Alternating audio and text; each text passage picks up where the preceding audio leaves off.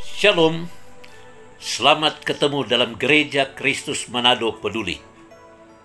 Ibrani 12 ayat yang ketiga berkata, Ingatlah selalu akan dia yang tekun menanggung bantahan yang sehebat itu terhadap dirinya dari pihak orang-orang berdosa, supaya jangan kamu menjadi lemah dan putus asa.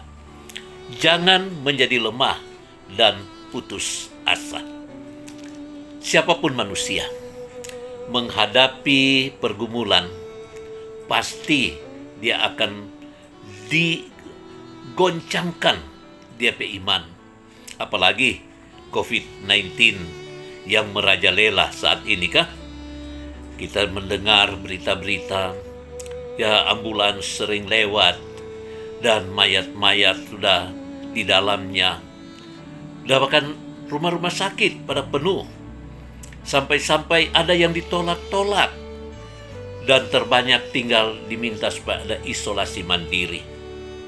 Nah, gereja Kristus rupanya ingin membagi berkat dengan orang-orang yang punya pergumulan seperti COVID-19 dengan memberikan tempat di uh, Tateli supaya mereka-mereka yang bergumul dapat isolasi di sana.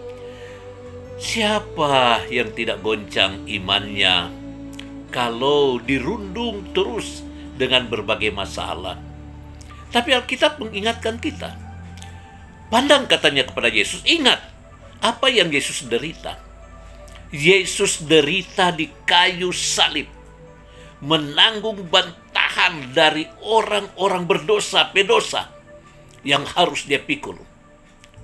Sebab itu, setiap pergumulan yang kita hadapi, janganlah kita melihat kepada pergumulan, tapi kita lihat kepada Tuhan Yesus yang menanggung pergumulan itu di kayu salib.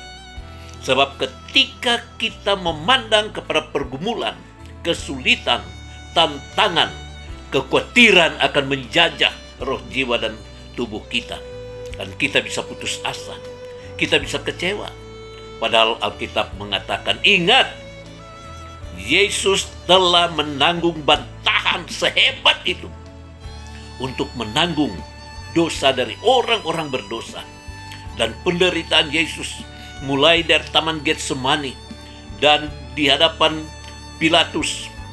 Kemudian kepada Kayafas dibalikkan lagi kepada Pilatus dan kemudian dirajam oleh masyarakat, oleh banyak orang dan kemudian dia harus memikul salib naik ke bukit Golgota di panas yang terik, dicambuk, diludah, ditendang sampai di bukit Golgota dia dipaku.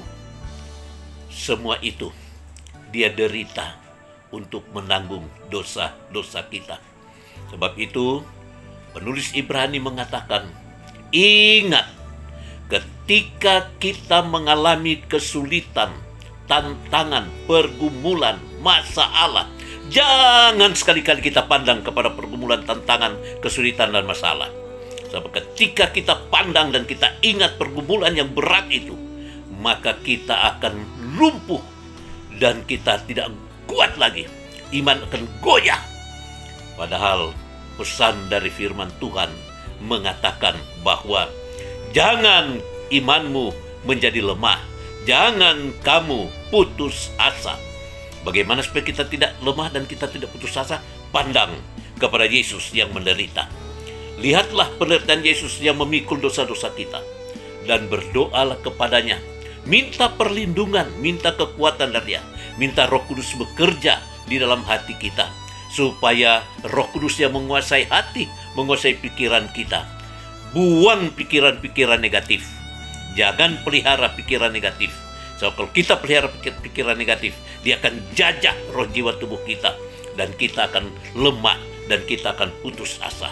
Ingat, penulis Ibrani berkata, ingatlah Yesus menanggung bantahan seberat itu supaya kita jangan menjadi lemah dan jangan putus asa.